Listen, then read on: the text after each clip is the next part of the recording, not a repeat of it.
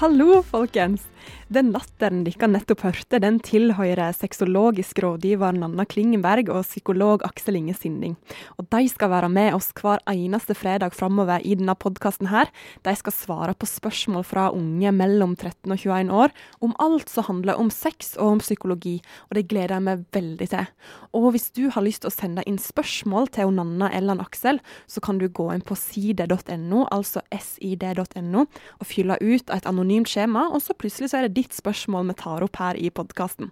I tillegg så skal Nanna og han Aksel eh, svare skriftlig. Hver lørdag i Aftenposten på papir så kan du lese svar fra dem.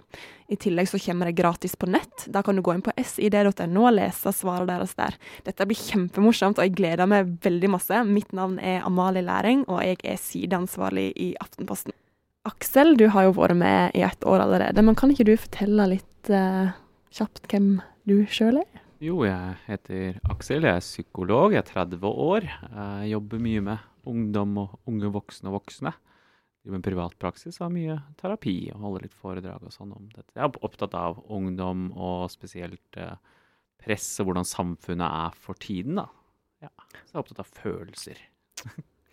Nanna, du er sexologisk rådgiver. Kan ikke du fortelle litt mer om deg sjøl?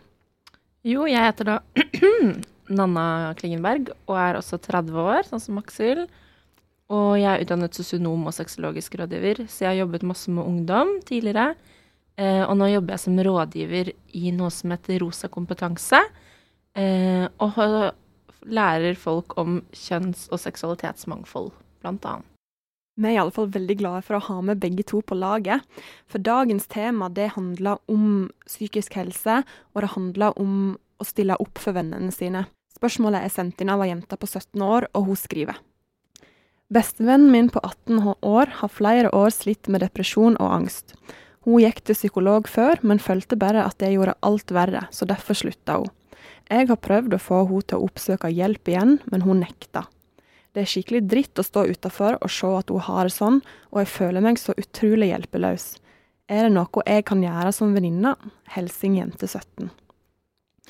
Hva er de umiddelbare tankene her, Nanna og Aksel?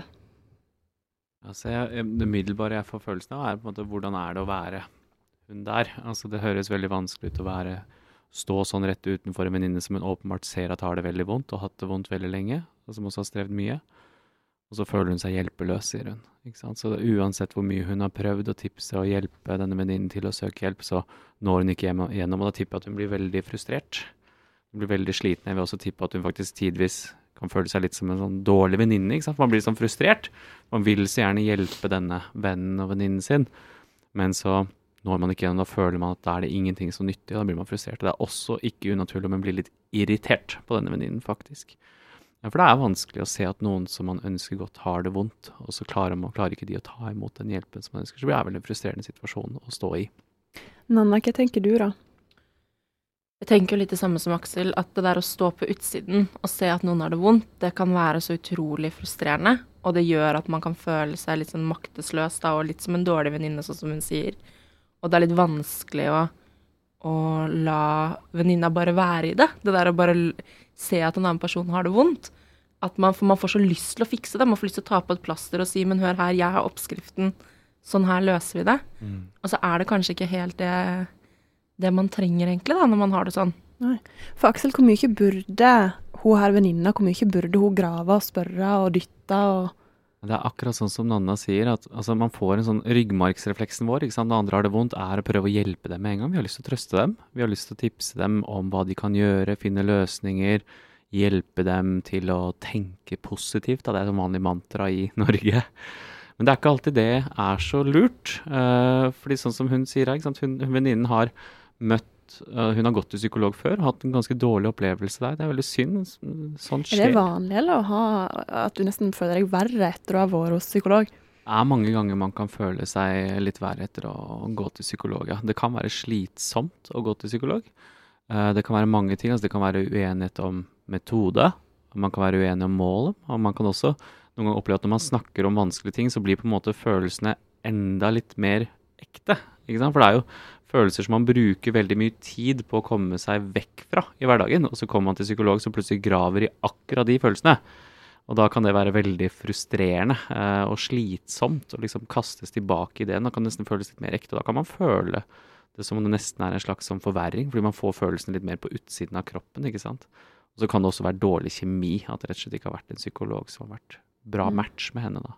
Så hva burde denne venninna her gjøre? da? Burde hun pushe på at hun her skal prøve en ny psykolog, eller burde hun heller holde seg litt i bakgrunnen? Så det er nok, Der vil jeg tipse litt det samme som Nanna sa, at det er lurt her å trekke og heller på en måte hjelpe uh, venninnen med å forstå, vise at hun forstår hvor hun er, og hvordan hun har det.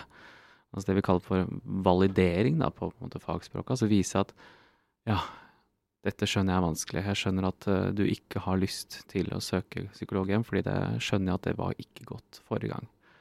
Da forstår jeg at du har det vanskelig, og jeg ser at du har det vondt. Og så vent. Så venter du, og så venter du på hva venninnen sier. Heldigvis forståelse for hvordan hun har det. Det vil føles mye bedre for denne venninnen. For ellers kan venninnen risikere å føle også dårlig samvittighet for at hun ikke søker hjelp. Mm. Ikke sant? Som at når en venninne da kommer, selv om det er kanskje, det er sikkert masse folk som presser på henne for å få henne til å søke hjelp. Da kommer f.eks. kanskje foreldre, venner, lærer, kanskje flere. ikke sant? Sier ja, nå burde du søke hjelp for det. Da, får man nesten, da blir det enda mer vondt. ikke sant? For hun føler det kanskje helt umulig å oppsøke psykolog igjen. Hjelp, hjelp igjen. Og da vil det føles nesten som et hån mot den følelsen hun har, hvis folk sier ja, men du må bare prøve. Du må bare være sterk. Det er nesten litt sånn du må ta deg sammen. Nesten. ikke sant? Kommuniseres direkte da. Så er det lure å heller si vet jeg forstår at dette er kjipt. Jeg forstår at det er vanskelig. Og det er greit, jeg står her. Så bare vent, da. Det. Det stritter litt sånn imot alle instinkt man har, tenker når du ser at noen du er så glad i, har det så vanskelig. Mm.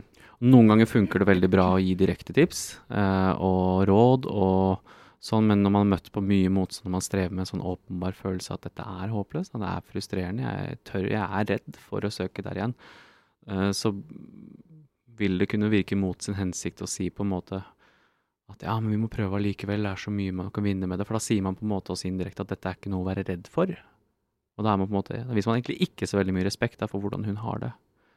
Det er liksom litt men jobben til hun som skriver den da, blir på en måte å tåle også å stå i det ubehaget av å stå utenfor og se at venninnen har det vondt. Mm. Og egentlig bare være der for den venninnen og vise at hun forstår hvordan hun har det.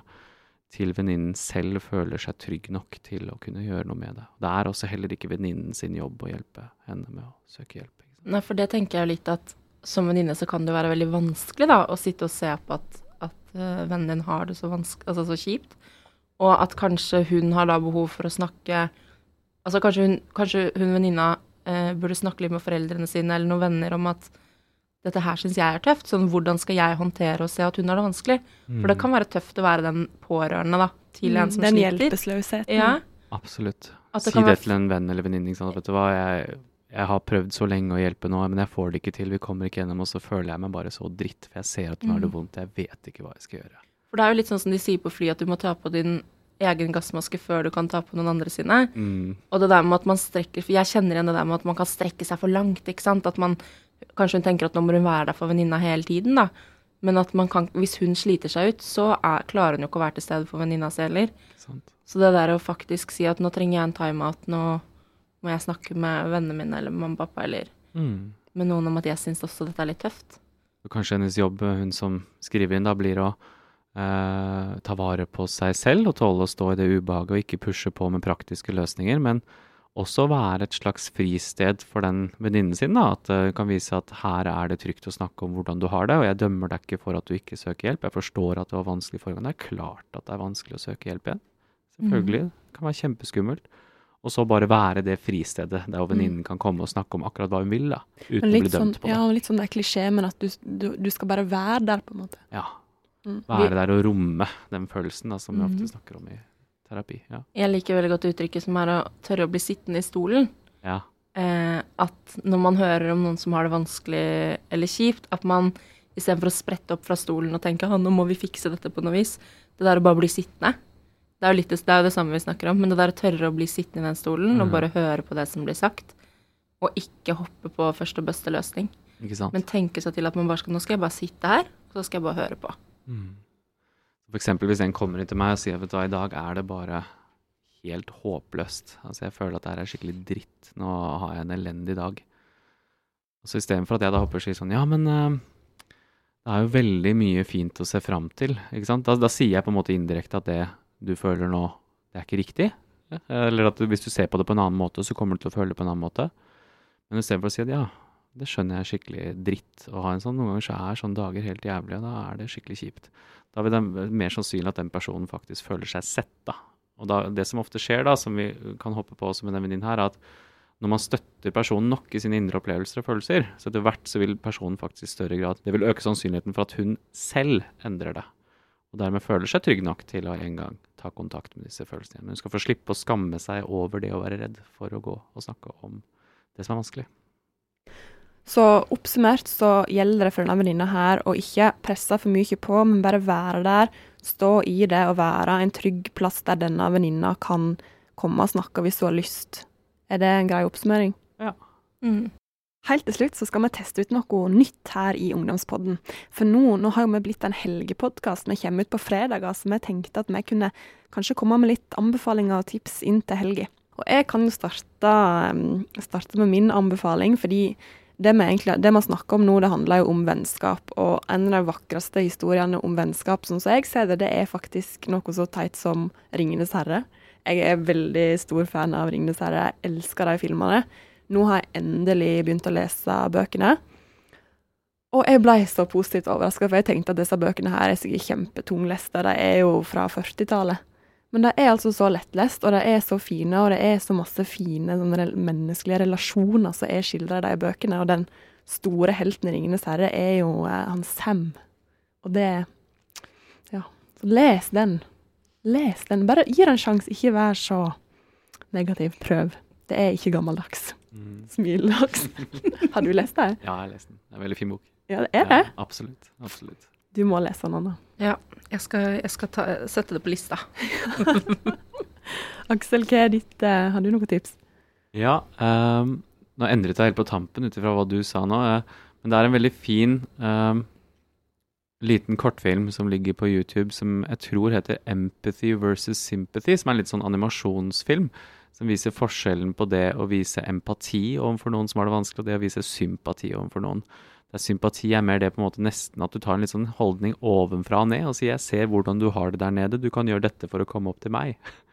Mens empati er å gå ned på samme nivå som den personen og vise hvordan den personen har det. Og det gjør seg selv likeverdig. Det er egentlig akkurat det vi har snakket om i dag. ikke sant? Å gå inn på samme nivå som den som du prøver å hjelpe. Det er en bedre strategi for å få til store Mm. ting sammen. Og for å gjøre mitt tips litt bedre, så er jo det det han Sam gjør. Han er jo med han Frodo hele veien og stiller opp og er der og står i motstanden. Han forstår også hvordan denne ringen virker innpå. Mm. Så det var ikke så dumt tips, det, faktisk. Klapp på skulderen til meg. yes, nei, men Med det så setter vi rett, rett, rett og slett strek for den første utgaven av Ungdomspodden. Tusen takk for at du lytta. Så vil jeg minne om at han Aksel han har svart skriftlig på dette spørsmålet her. Det kan du lese i lørdagens utgave av Aftenposten på papir, altså lørdag 1. april. Hvis ikke så kan du gå inn på side.no, sid.no, der kan du lese svaret fra han Aksel helt gratis. Og der har òg Nanna hun har også svart på et spørsmål denne veka, som ligger på sider.no og i papirutgaven. Og De skal svare på spørsmål hver lørdag framover, på papir og nett. Og så møtes vi i podkast hver fredag. Takk for nå.